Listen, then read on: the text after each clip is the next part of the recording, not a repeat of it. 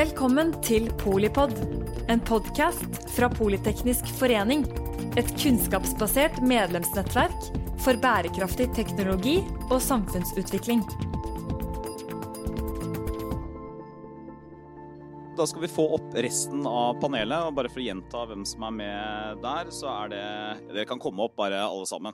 Eh, det er Lars Olav, Olav Grøvik fra Tekna. Det er Nina Jensen fra Rev Ocean. Det er Christian Rynning Tønnesen i Statkraft. Og det er Eirik Wærnes i Equinor.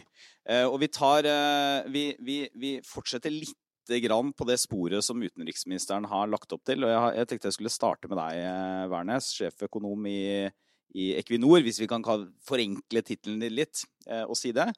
Eh, som et stort eh, selskap som opererer globalt i en næring som, eh, som nå er på, på, alles lepper, både presset av klimapolitikk, men også da eh, selvfølgelig av konsekvensene av krig og uro. Hvordan, hvordan, ser 2023 ut for dere? Og ikke minst, hvor er det, hvor er det dere gjør konkrete grep i organisasjonen for å forberede dere på hvordan dere tror verden blir? Ja, altså, for det første så er jo, Som følge av at vi er globale, så, så, møtes vi og, og, driver med globale verdikjeder og globale forsyningskjeder. Og vi er avhengig av, av leverandører fra, fra, Korea til, til Nord-Norge. Eh, så, så, møter vi jo alle disse eh, usikkerhetsmomentene som, som utenriksministeren eh, påpekte. Og Verden, verden, er volatil. Det er den alltid. Den er kanskje mer volatil i markedene nå enn på lenge, og det må vi forvente. Sant? Når det nå er 19 grader i Polen, så er gassprisen lav. Hvis det hadde vært minus 1 grad i Polen, så hadde gassprisen vært veldig høy. Eh, så vi, fått, vi, får et væravhengig energisystem som påvirker oss veldig sterkt. Vi har en energikrise i betydningen at vi investerer for lite i, på tilbudssiden i energimarkedet. Det går altfor seint, dessverre, med, med, fornybar elektrisitet. Etterspørselen fortsetter å vokse, og det gjør at balansen i energimarkedene blir altfor stram. og da, da, blir det høye priser. Og det kommer til å bli verre eh, om et år enn det er i dag. Så usikkerheten om mengden gass i europeiske gasslagre fra 1.11. i år er høyere enn det var for mengden 1.11. i fjor. Så Europas energiomstilling den eh, må vi bare håpe går fort, men den går ikke fort nok til å fjerne den usikkerheten. Uh, dette med kritisk infrastruktur er jo noe som dere har sett at vi har måttet uh, ta, ta, høyde for med å, å øke sikkerhetsnivået både rundt våre installasjoner på, på sokkelen og på land.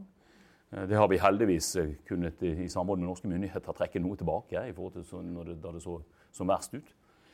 Eh, så, så, det er jo en, en enormt urolig verden. Sant? Lav økonomisk vekst globalt sett i år, må vi regne med.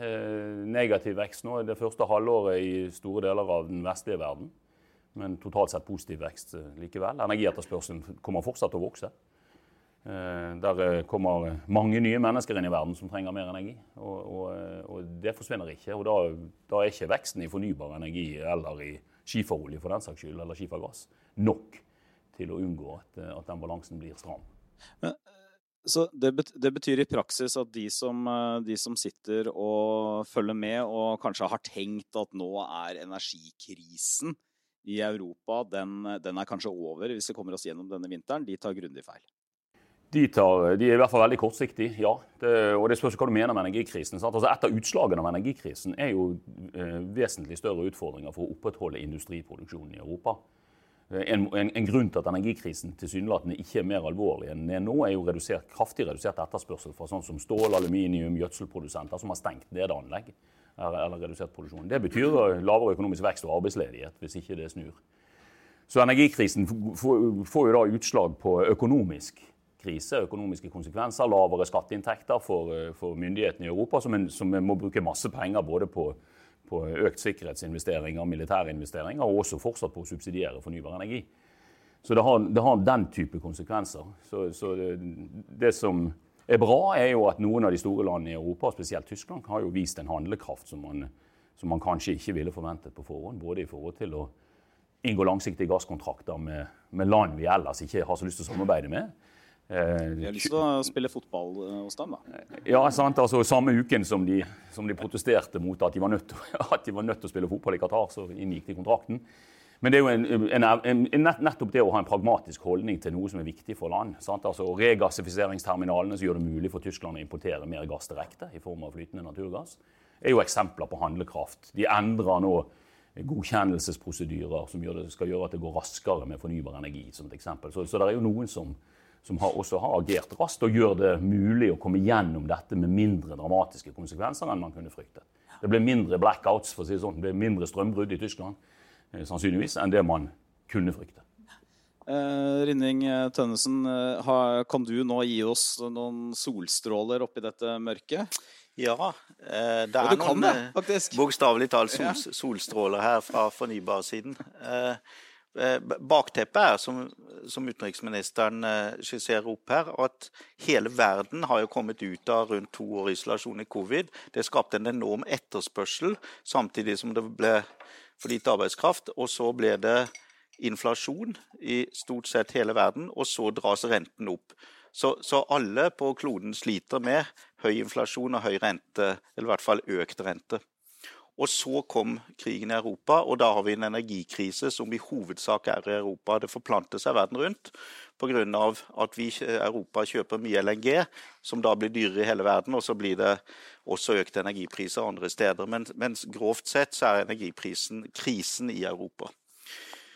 Og så har vi klimaendringen som påvirker eh, gradvis og kontinuerlig og mer og mer hele verden.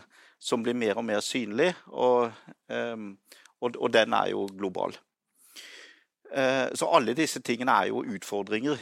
Men så er det sånn at eh, både det å skaffe Europa nok energi uten å ha tilgang til russisk gass, det må i hovedsak løses med fornybar energi. Det kan kortsiktig løses med kjøpe LNG andre steder, men den langsiktige løsningen er mer egenproduksjon i Europa. Og av hensyn både til klima og kostnad, så, så, bør denne være fornybar. Så det skyter jo fart på fornybar energi i Europa. USA eh, kraftig opp på, på, fornybare investeringer, også resten av verden. Så I Statkraft så regner vi med at hele verdens energi, eller kraftproduksjonssystem vil være mer enn 80% fornybart innen 2050. Og det vil være veldig rask økning. Kan hende at det skjer mye før også. Og, og, og, total energiforsyning i verden av alle typer energi, olje og, og gass og kull inkludert, vil røftlig nå halvparten fornybar og halvparten fossilt i midten av århundret. For klimaets del så skulle vi gjerne ha nådd mer, men, men i hvert fall eh, Dette er eh, en positiv utvikling. Og så sitter vi her i Norge på de største eh, fornybarressursene i Europa. Hvis vi tar hensyn til både all vannkraften vi har, vindpotensialet på land og vindpotensialet i Nordsjøen. Så dette gir en enorm industriell mulighet for oss her i Norge. Vi, før, vi, før, vi, eh, spør litt om norske arbeidstakere, folk flest, vanlige folk, så tenkte jeg vi skulle bare ta med deg, Nina, på, på dette perspektivet som handler om geopolitikk, altså de store tingene eh, og de store endringene i verden. Ikke minst eh, Kinas fortsatte vekst. India som kommer også som en kule. Klima og energikrise. Du har jo jobbet med, med disse problemstillingene i mange år. Absolutt. Eh, og for å dekke noen eh, små temaer i, eh, i samme balk. Du har 45 sekunder. Nei, men altså, det er ikke noen tvil om at vi lever i en krevende verden. Og en av uh, hovedutfordringene er jo at vi stadig får nye kriser, nye utfordringer, som gjør at vi bare driver med symptombehandling og løper fra krise til krise, mer enn at vi løser de underliggende problemene som jo da faktisk dreier seg om energisikkerhet, fattigdom, likestilling, fordeling. Altså veldig mange av de grunnleggende tingene som må til for å unngå at vi må løpe fra krise til krise til enhver tid. Ehm, så er det jo riktig at vi nå står i en enorm energikrise, eh, som jo alle får, eh, får føle på. Og utfordringen med det, utover at det er mangel på energi, er jo at dette trumfer klimakrisen på kort sikt, og potensielt gjør problemet verre på lengre sikt. Vi ser en økning i kull-, olje- og gassproduksjonen eh, verden over. og utslipp som øker i en tid da utslippene burde ha gått drastisk ned. Og Det er klart det er mange lyspunkter også. Det skjer masse spennende på fornybar energi. Og det er ingen tvil om at verden kan være 100% fornybar innen 2050. Eh, selv med økende energibehov og, og med dagens teknologi alene. Men eh, det går ikke raskt nok. Ikke og for å, for å, realisere det, så kreves det masse investeringer, masse arbeidskraft, masse arealer, masse metaller, mineraler, materialer eh, som vi ikke nødvendigvis har tilgang på. Så jeg tror vi må tenke mye smartere rundt hvordan vi bruker energien vår, og hva vi tillater at energien brukes på. For vi bruker jo også enorme mengder med energi på å produsere produkter som vi faktisk virkelig ikke trenger. Plast som fyller opp verdenshavene, som man med, med fordel kunne eh, forby.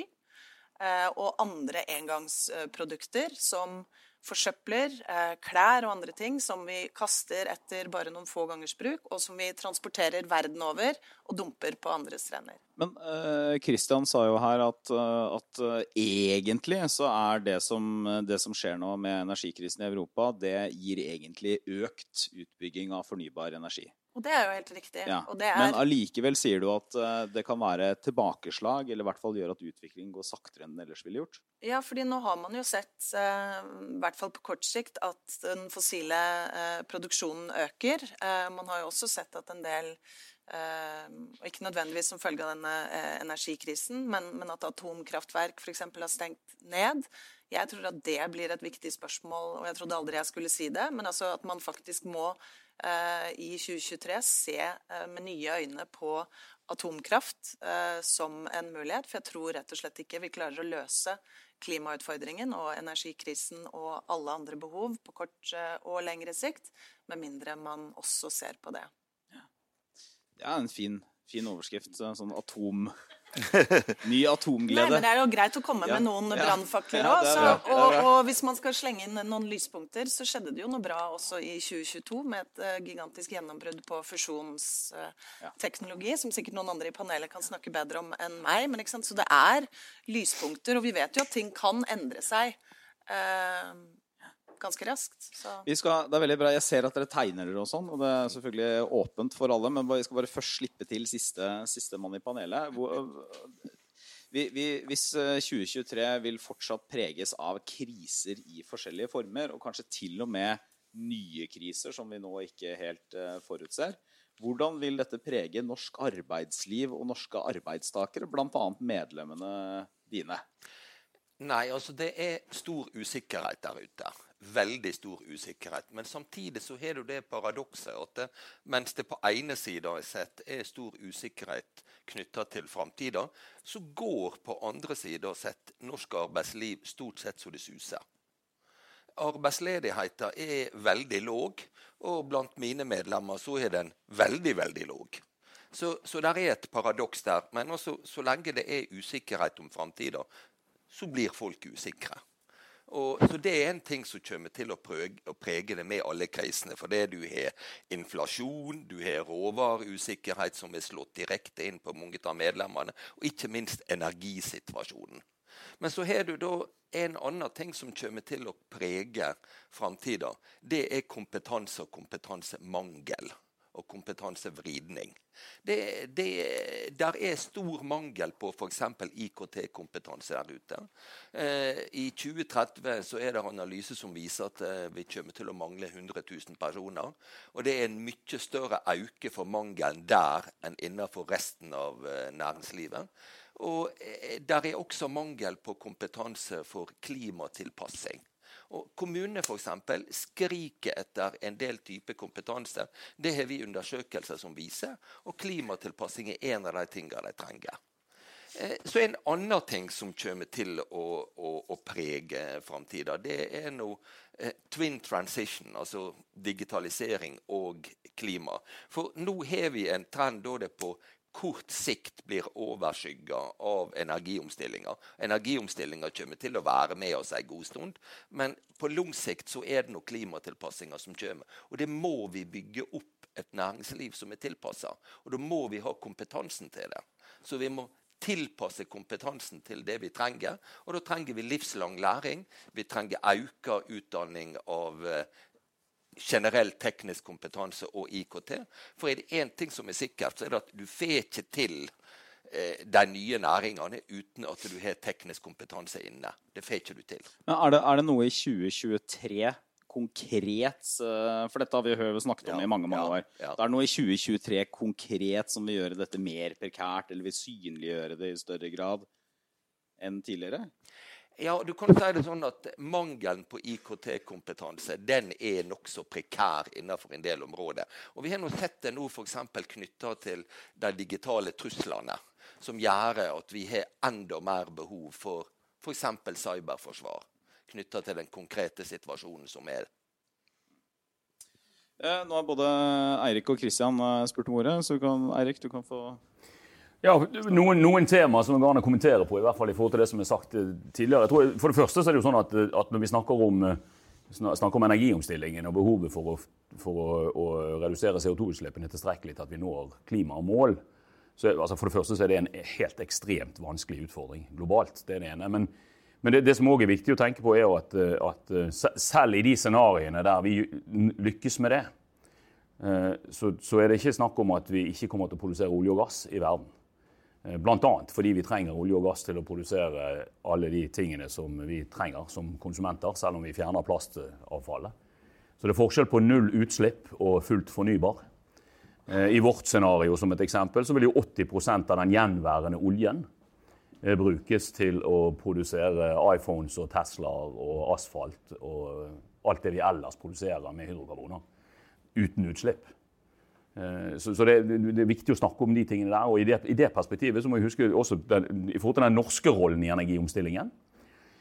Hvis vi lykkes med våre relativt hårete ambisjoner om 30 gigawatt offshore vind i 2040, så kombinerer det med produksjonsutsiktene på norsk sokkel som Oljedirektoratet nettopp har levert, så vil Norge sannsynligvis levere 55% av den energien vi i dag leverer, i 2040. Fordi olje- og gassproduksjonen går ned med 50% Og selv om vi lykkes med de hårete offshoreambisjonene, så er den energien som leveres av det, den er lik økningen i gasseksporten fra 2021 til 2022. Det er snakk om 10% av gasseksporten i energimengde 30 gigawatt offshore vind. Så vi må sette noen av disse perspektivene, eller sette det i perspektiv når det gjelder størrelsen på Norges rolle som energileverandør.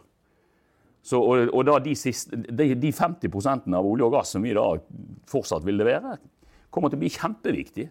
Eh, også i en situasjon der vi skal få ned utslippene, fordi det er den mest energieffektive eh, og reneste oljen og gassen som kan. Og den skal da ikke nødvendigvis forbrennes men den skal brukes til å lage det verdens befolkning fortsatt kommer til å trenge, nemlig hydrokarboner. Kristian? Ja, det, det, er helt riktig at en eh, andel av olje- og gassproduksjonen i verden, spesielt olje, går til eh, produkter som, som, vi rett og slett trenger råvaren til, hvor det ikke skal forbrennes og bli til CO2.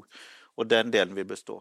Men jeg har lyst til å kommentere, eh, Nina. Jeg er helt enig med det du sier, at effektiv bruk av energi. Det er liksom punkt én på skalaen. Og punkt to er hvordan skaffer vi den energien som vi da trenger. Og Kjernekraft kommer til å ha en viktig rolle, men den er ikke ukomplisert. For det første så er en stor andel av kjernekraftbrensel i verden kommer fra Russland. Det aller meste av det som bygges av kjernekraft i verden, er kinesisk og russisk teknologi. Og de landene som da eh, skaffer seg kjernekraft, de gjør seg jo da også avhengig av å kjøpe fremtidig brensel fra eh, få produsentland i veldig konfliktfylte områder. Så, og, så, det er ikke full energisikkerhet, det heller. Vi kan få, få, en overraskelse, akkurat som vi hadde med russisk gass. I tillegg, hvis man går inn for små kjernekraftverk som er vanskelig å beskytte sikkerhetsmessig, så har vi en terrortrussel hvor hvis noen bomber et lite kjernekraftverk, så, så kan du ikke bo i den byen i, i tusen av år etterpå. Eh, det, det, er jo mer spektakulært for en terrorist enn å enn, enn å bombe et, bygg, et vanlig bygg. Så, så, så, terrortrusselen knyttet til spredning av atom ved terror er, er også betydelig. Så, men til tross for alt dette så tror vi i Statkraft at, at kjernekraft er en del av en framtid, men det er en begrenset del. Den store omstillingen i verden det er fra fossil til fornybar på energiforsyning. Og, og, og, så gjelder det å ha det tempoet eh, godt nok. Og et siste poeng eh, til utenriksministeren her, som eh, framholder frihandel og at Norge er en liten nasjon. Vi må greie her i Norge å eh, løse vår energikrise på en sånn måte eh, at, at, vi ikke blokkerer handel med energi. Vi, vi, vi, er, eh, vi har et 100 væravhengig kraftsystem i Norge. Vannkraft og vind. Eh, og, og, vi er avhengig av å kunne utveksle kraft med utlandet. Vi har normalt et kraftoverskudd på 10% men av og til når det er tørt og lite vind, så må vi importere. Og landene rundt oss trenger også vår, eh, vår kraft i gitte situasjoner. Og, og, det Putin antageligvis håper på, det er jo å skape så store interne spenninger i alle land, inkludert Norge, at, at man blir proteksjonistiske og ikke vil dele på den energien man har. Så så jeg vil bare oppfordre til at vi, vi, vi, må finne gode løsninger, så vi har nok vann i magasinene, og at vi finner mekanismer så folk får kjøpt strøm til en akseptabel pris, og at bedriftene også får, får strøm til priser de kan leve med, men uten å stoppe handel med energi. Jeg tror det er viktig å understreke Jeg er ingen varm tilhenger av atomkraft, bare for å si det. Eh, jeg har vært en varm motstander av dette i all min tid. Det, poenget mitt er at jeg tror vi må ikke eh, kategorisk utelukke eh, noen ting i en tid da vi står oppi formidable kriser klimakrisen burde overskygge absolutt alt annet vi tenker på. Fordi det kommer til å fundamentalt endre livsbetingelsene for alle mennesker på kloden. Og føre til mange nye kriser. Og da må man se på hvilke alternativer har vi for å løse det. Men det er klart, som jeg sa, verden kan være 100% fornybar innen 2050 uten eh, atomkraft. Så vi burde absolutt starte med å se hva er det vi faktisk bruker energien vår på, og hvordan kan den brukes smartere. Og er det noen ting vi bruker den på i dag som det ikke burde være lov å bruke den på, fordi vi trenger den faktisk til eh, andre livsnødvendige eh, ting. Eh, og vi har jo også eh, en formidabel naturkrise, som vi jo ikke har vært inne på i det hele tatt. Vi taper naturmangfold i et eh, rasende tempo, ikke bare i verden, men også her hjemme. 70% av naturmangfoldet på kloden har forsvunnet i løpet av de siste 50 pluss årene, og, og det er eskalerende. Så jo mer vi bygger ut, bygger ned, jo verre eh, blir det. Eh, så det å finne en god plan for hvordan man løser flere av disse utfordringene på samme tid, er jo det vi kanskje burde bruke tida vår på i 2023. Ja, to ting. Altså, når det gjelder energiomstillingen I hvilken grad den skyter fart nå eller ikke, så, så er det i stor grad et region, altså Svaret på det er regionalt avhengig. Det er sannsynligvis at energiomstillingen skyter fart i Europa nå, fordi at eh, der går behovet for å kvitte seg med avhengigheten av Russland det går parallelt med behovet for å øke energisikkerheten. Eh, det å bygge for mer fornybart i Europa svarer godt på begge de to sidene av energitrilemmaet. Det er ikke gitt i resten av verden. Og det er òg sånn at omstillingen generelt er et overskuddsfenomen. Eh, og Det betyr at når vi har lavere økonomisk vekst, når vi har mye høyere energipriser, så får vi mindre ressurser til å gjennomføre den omstillingen som vi må få til. Og det, Pakistan skifter jo nå over til kull fordi at Europa sluker all LNG. Det samme gjelder Thailand, Vietnam og Bangladesh. Så det etiske problemstillingene knytta til nå å sørge for at de fattigste i Europa får tilgang på energi til rimelige priser, det gjør at de som er mye fattigere, som, som da har behov for den energien, de må skifte til fossile brensler. Så det, så det er noen etiske problemstillinger knytta til disse. Det siste, siste, poenget, det siste som jeg har lyst til å kommentere, det er jo det at eh, jeg er helt enig med Nina i at vi har et, eh, har et sløseriproblem, vi har et eh, konsumentproblem i forhold til hva vi faktisk får lov til eller velger å bruke energi på. Det er veldig begrenset i verden til en bitte liten del av verden, som kanskje har 10 av verdens befolkning. Store deler av resten av verden har et enormt energiunderskudd. Afrika skal ha dobbel befolkning til 2050. Og det å, det å, det å, eh, så Vi må være forsiktige når vi sier at ting ikke skal være lov. Altså, dette er individuelle beslutninger. Vi tar de under rammebetingelser. Og når utenriksministeren er bekymret over en mer autoritær verden, eh, så blir jeg òg det. Hvis vi her oppe i det høye nord skal påta oss rollen til å fortelle folk hva de skal både bruke pengene sine på, og hva de skal bruke energien sin på, og spesielt i en situasjon der de bruker 10% av energi per innbygger i forhold til det vi gjør i Norge. Så, så hele, det er jo det som er litt, Den enorme utfordringen knytta til energiomstillingen, det er jo hvordan får du det til i en situasjon der du samtidig skal drive utvikling? Der du skal løfte folk ut av fattigdom? Der du skal håndtere to milliarder flere mennesker? 400 millioner mennesker kommer det til å være i Nigeria i 2050. Hvordan får vi det til? Jo, fornybar energi og masse, masse sånt. Men det må være basert på individuelle beslutninger og i et demokratisk system. Uh, uh, vi, vi bevege oss, skal bevege oss litt bort fra energi. Uh, men, men Lars Olav, du har spurt om ordet først, så du skal få lov til å slenge deg på. Det som er nokså sikkert, er at vi må gjøre alt vi kan for å øke produksjonen av fornybar energi. Og så må vi gjøre det vi kan for å økonomisere med bruken av den energien. Det er helt sikkert. Og jeg er sikker på at på verdensbasis så kommer kjernekraft til å spille en rolle. Og Fusjonsenergi, ja, det kommer garantert til å Både fusjon og fisjon. Men det, dette kommer til å ta tid. Det kommer til å ta tid å få det. Så I mellomtida så er det det klassiske. Det er solkraft, det er vind, og det er geotermisk av fornybar.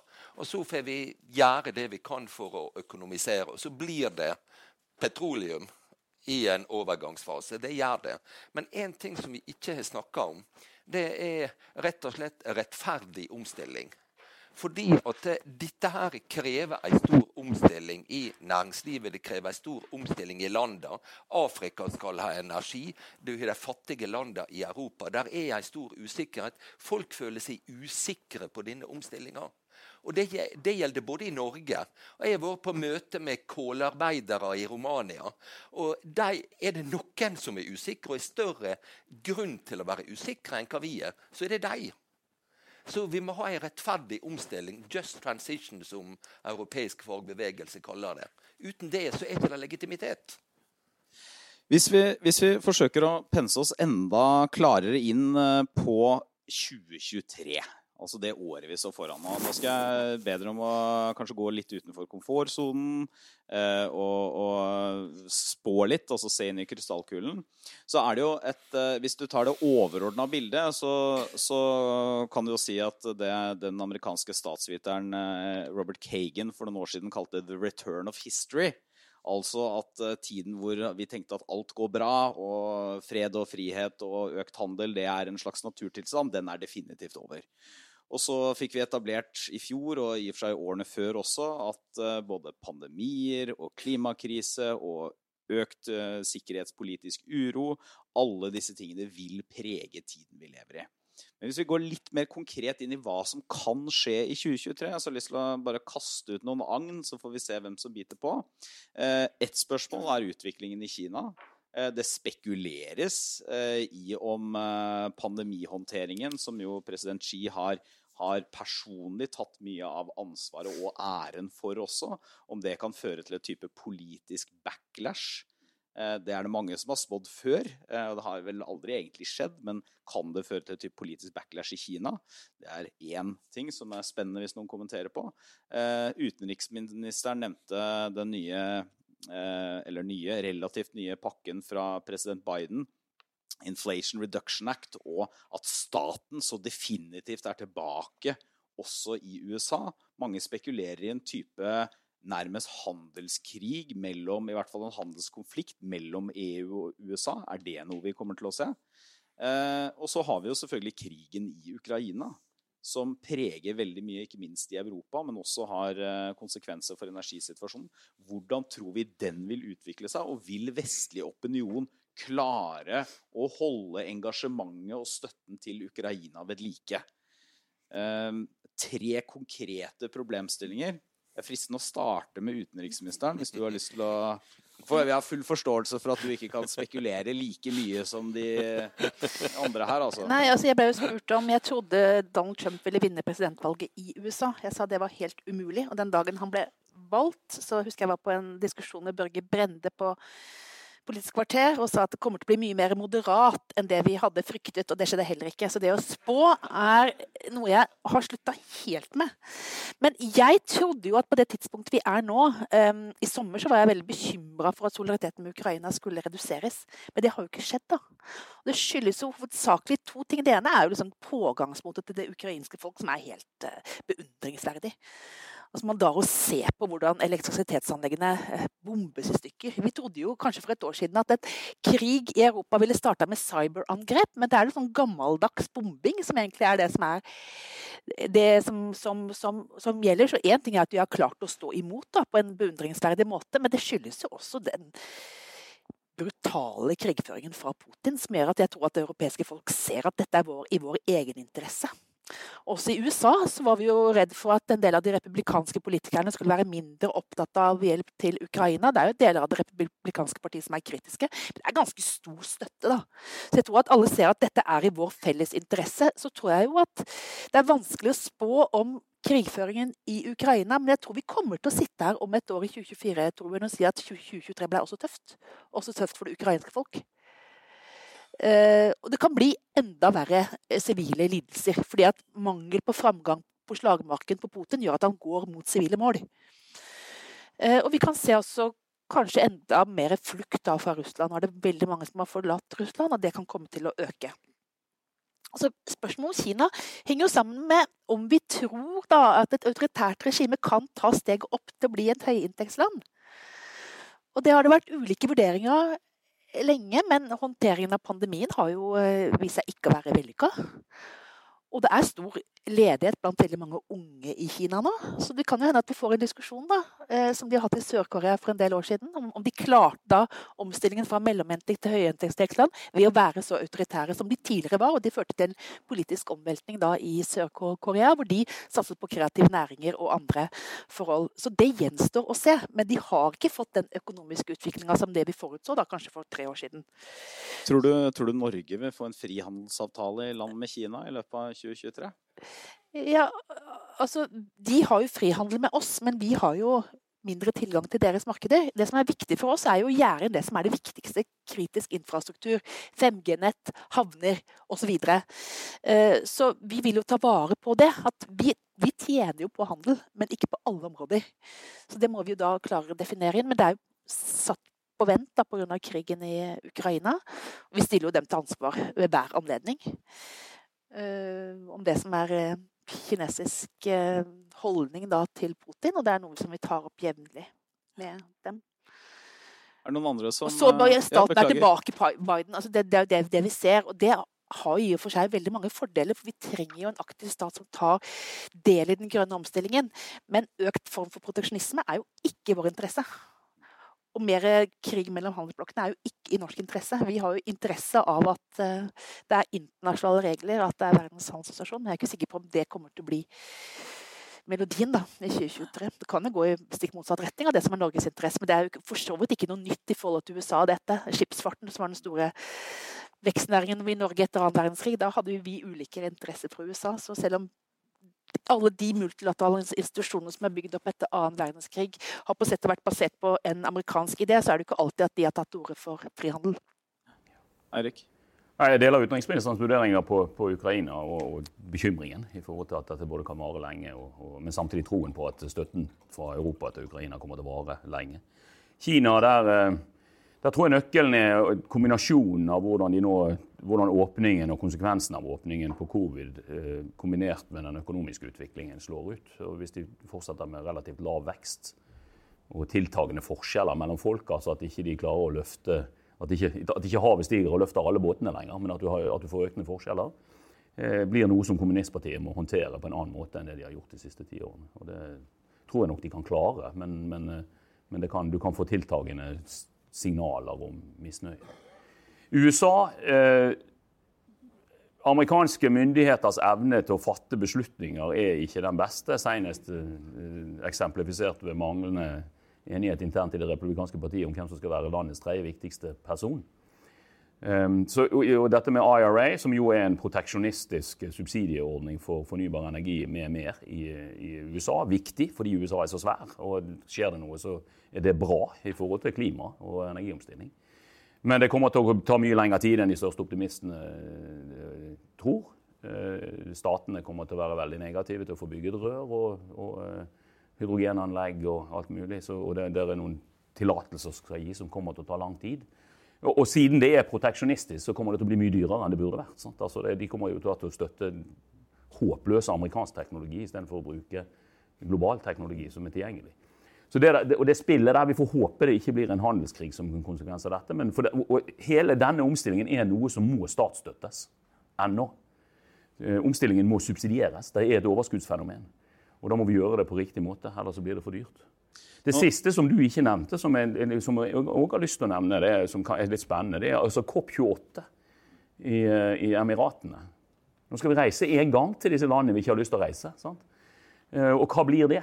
Blir det enda mer fokus på energi eh, og behovet for mangfoldig energi, eller blir det tilbake til bare klima, som det var i Glasgow?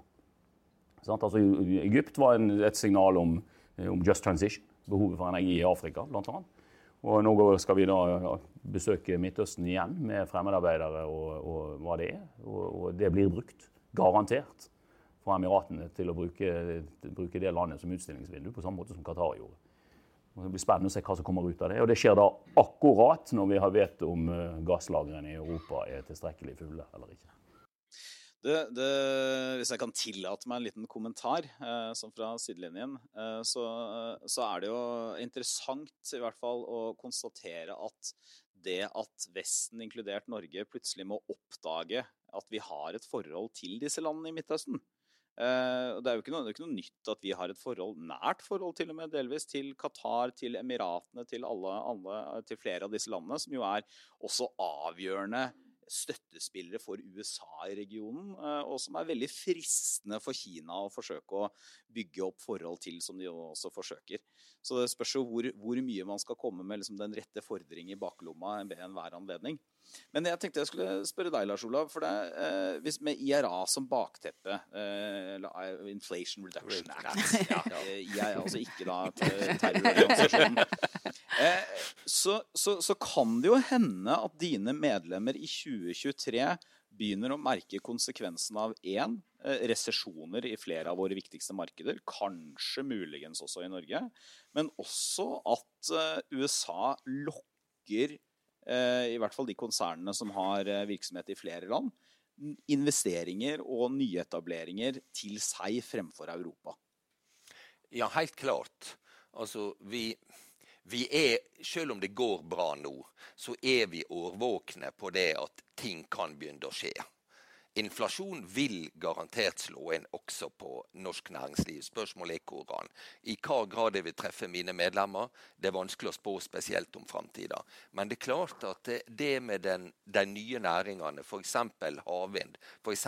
andre former for ny energi, det er klart det er en risiko for at utviklinga av det kan flytte til nye land og spark til eh, si det politiske. Da. Det som er viktig, er at vi får utbyggingsoppgaver i Norge. Sånn at vi får både kompetansesentre, kompetanseutviklinger og kompetansen knytta til å bygge det f.eks. på havvind i Norge. Så Sørlige Nordsjø og det der, Vi må bare få gang på dette for å sørge for at vi får mulighetene i Norge, og at ikke det blir flytta f.eks. til USA. For det, det er det helt klart en, en, en, risiko for. Så står vi også foran en stor endring, nemlig at nå kommer for alvor generasjonene inn med at vi har eh, eldrebølger. Men det interessante den treffer ikke bare i Norge.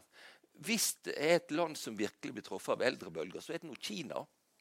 For nå får de prisen for ettbarnspolitikken. Så når det gjelder Kina, så er det veldig stor usikkerhet om hvordan det kommer til å gå på sikt. Vi skal bruke ja, Nina, du skal få lov til å kaste deg på den runden også. før vi... Ehm, det er i og for seg et annet tema enn det som er blitt snakket om til nå, men, men en ting som også vil prege 2023, eh, og som henger sammen med veldig mange av disse tingene, både geopolitikk og energi og klima, det er jo materialtilgang og mineraler. Eh, vi ser jo allerede at en del eh, både eh, CCS eh, og fornybarutbygginger blir forsinket eller har komplikasjoner som følge av manglende tilgang på materialer. Og så er det jo stor diskusjon om en del av mineralene. Hvor skal disse komme fra? Og Norge er jo et av de landene i verden som nå leder an i Kall det kampen for utbygging av gruvedrift på havbunnen. Det mener jeg er fundamentalt feil.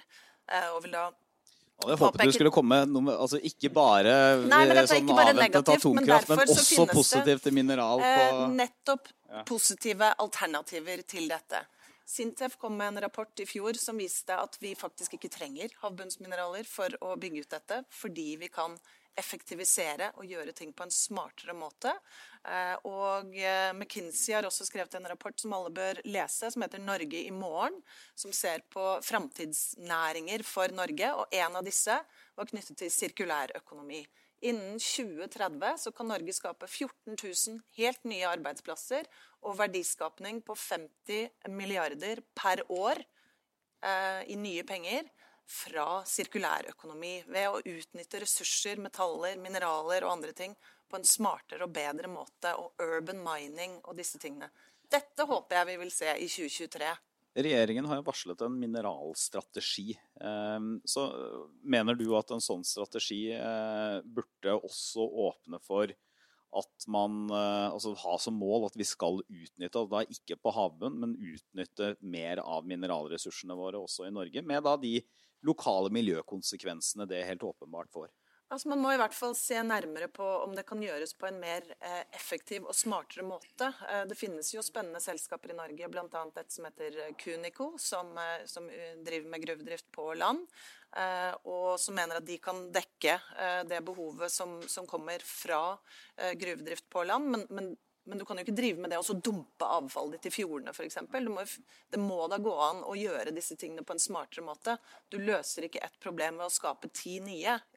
Man, man, må gjøre ting på en bedre måte. Og her er jo forhåpentligvis Teknas medlemmer eh, og mange andre i Norge som faktisk kan løse disse utfordringene på en god måte. Vi skal, vi skal, bruke de siste fem minuttene Christian ber om ordet nå. Vi skal, vi skal, bruke de siste fem minuttene på det spørsmålet som tidligere utenriksminister Knut Frydenlund i sin tid formulerte, nemlig 'Hva nå, lille land?'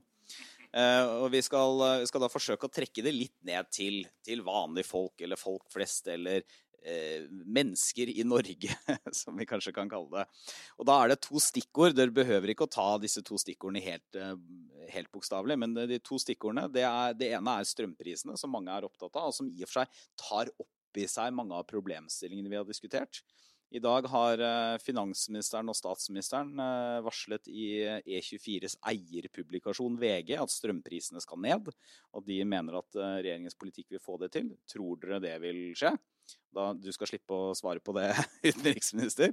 Eh, og det andre, det andre, spørsmålet som dere kan si noe om hvis dere ønsker, det er eh, selvfølgelig lokalvalget som kommer. Nå skal vi se litt inn i krystallkulen, så hvordan tror dere lokalvalget kommer til å gå? Så er det noen som har lyst til å ymte frempå om det.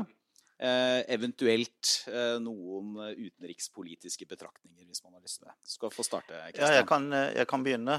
Um, altså, Ukraina er også helt enig i at den konflikten ser ikke ut til å få en løsning raskt. Så vi må legge til grunn at den vil dessverre vare ganske lenge.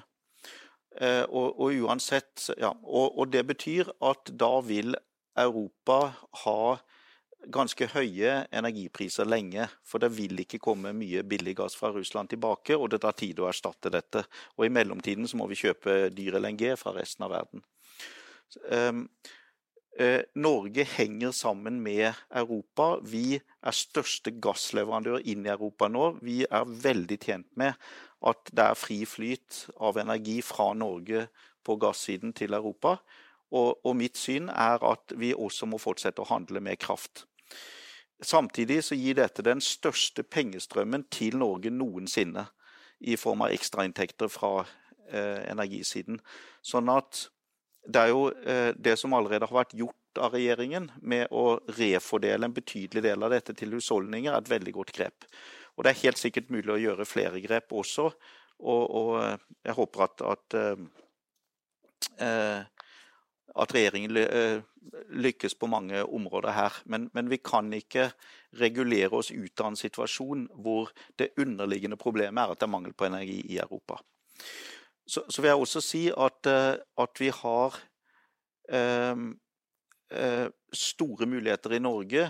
Eh, og det aller viktigste vi gjør nå, det er å åpne opp for stor utbygging av offshore vindkraft i sørlige Nordsjø. Det vil gi en stor industriutbygging som vi vil trenge, både fordi vi trenger kraften og fordi vi trenger energiutviklingen. Så tempo der, og det å få inn mange aktører, både norske og utenlandske, inn i dette, så vi greier å skape et nytt nordsjøeventyr på fornybarsiden, er noe av det viktigste Norge kan gjøre. Så har vi alle de andre grønne næringene som McKinsey og andre har beskrevet, som kommer i tillegg. Og så må vi ikke vikle oss inn i en, en, sånn tenkning at alle problemer i verden skal løses samtidig. Eh, alt fra omstilling og globalt og USA og Kina. Alt det er jo riktig og viktig, men hver enkelt av oss vi må gjøre med vi, noe av det vi kan gjøre noe med. Og Norge som nasjon må bare prøve oss å skjære igjennom og, og, ha noen klare linjer for hvordan vi kan utvikle Norge industrielt. Og der har vi store muligheter. Så jeg, jeg er faktisk eh, litt optimistisk også på, på 2023. Utenriksministeren må uh, i Stortinget etter hvert, så du skal få lov til å slippe til nå. Og så, så er du tilgitt da hvis du må gå før, før, vi, før, vi, avslutter her, som vi skal gjøre i løpet av ganske kort tid. Ja, Du begynner med Knut Frydenlund Lille Land Vann nå, og det er jo 50 år i dag, i 2023, da, siden han ble utenriksminister for første gang. Og han, det han var opptatt av, var å ta inn over seg det som var realiteten i verden. Og jeg tror vi blir stilt overfor veldig mange dilemmaer i tida som kommer. Og vi må innta mer pragmatiske løsninger.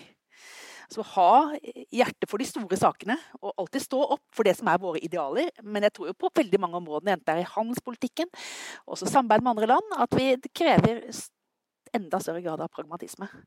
For det vi ser som energikrisen i Tyskland nå, det skyldes jo at det ble investert enormt da, i veldig mange gode ideer.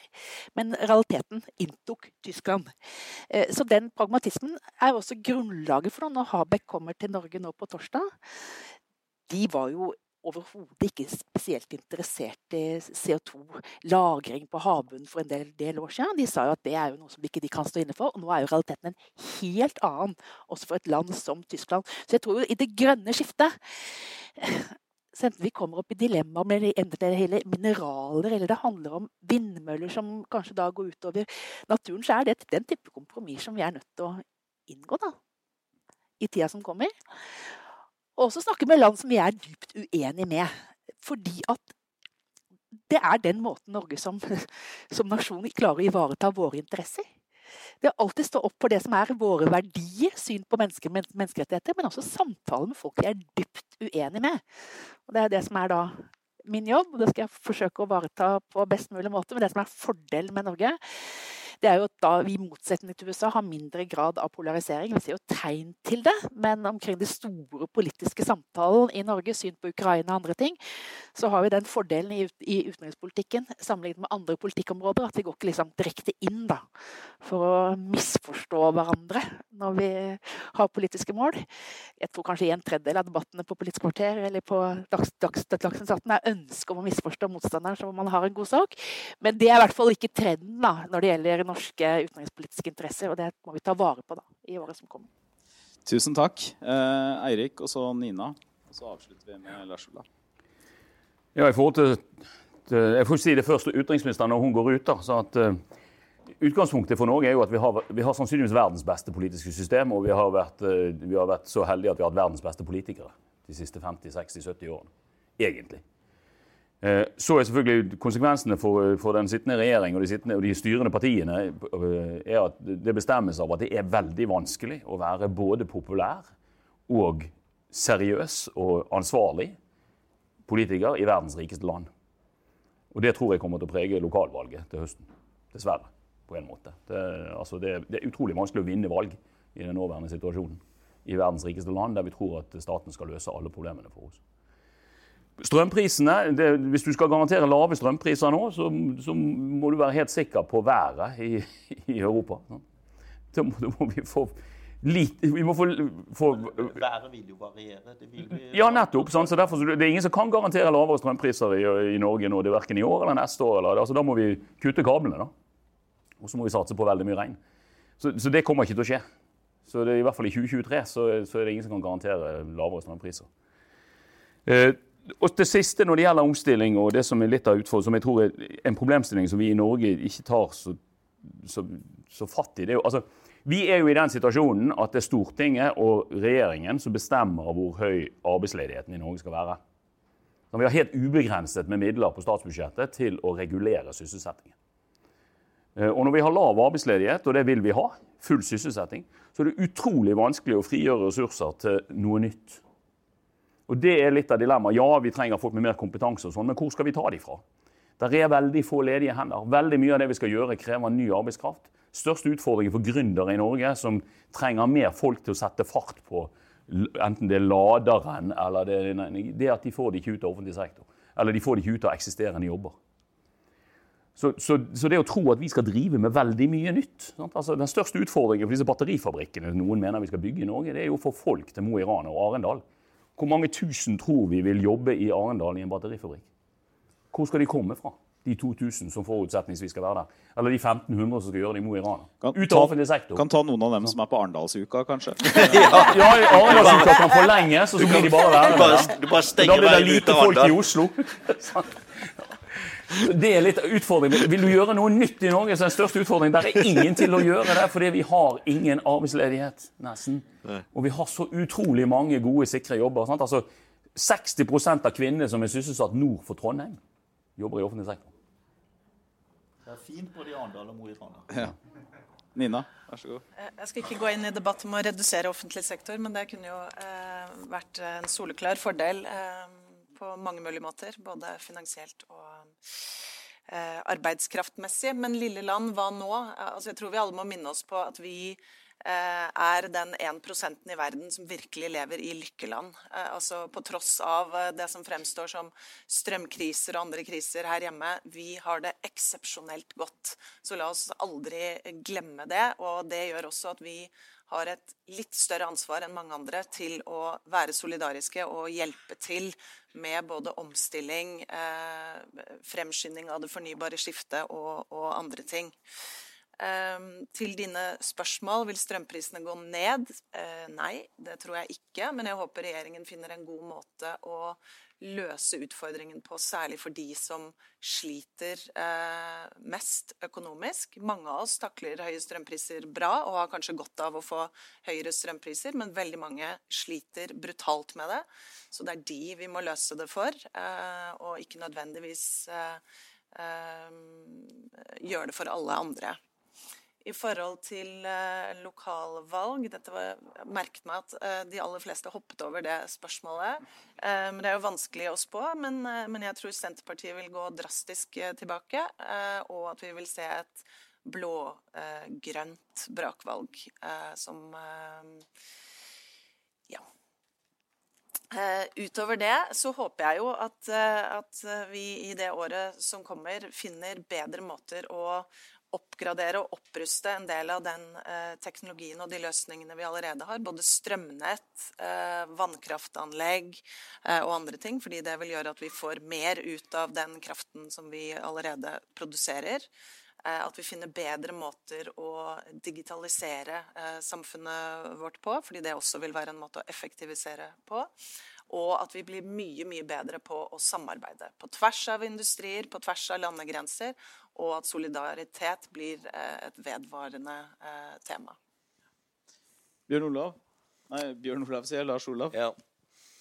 ja altså, det er vanskelig å spå spesielt om framtida. Og er, er det én ting som jeg er helt enig med Nina i, så er det at det er veldig mange av de problemene vi sitter i, hvis vi hever oss litt, så er det ilandsproblematikk. Vi sitter i et av de beste landene, om ikke det beste landet i verden.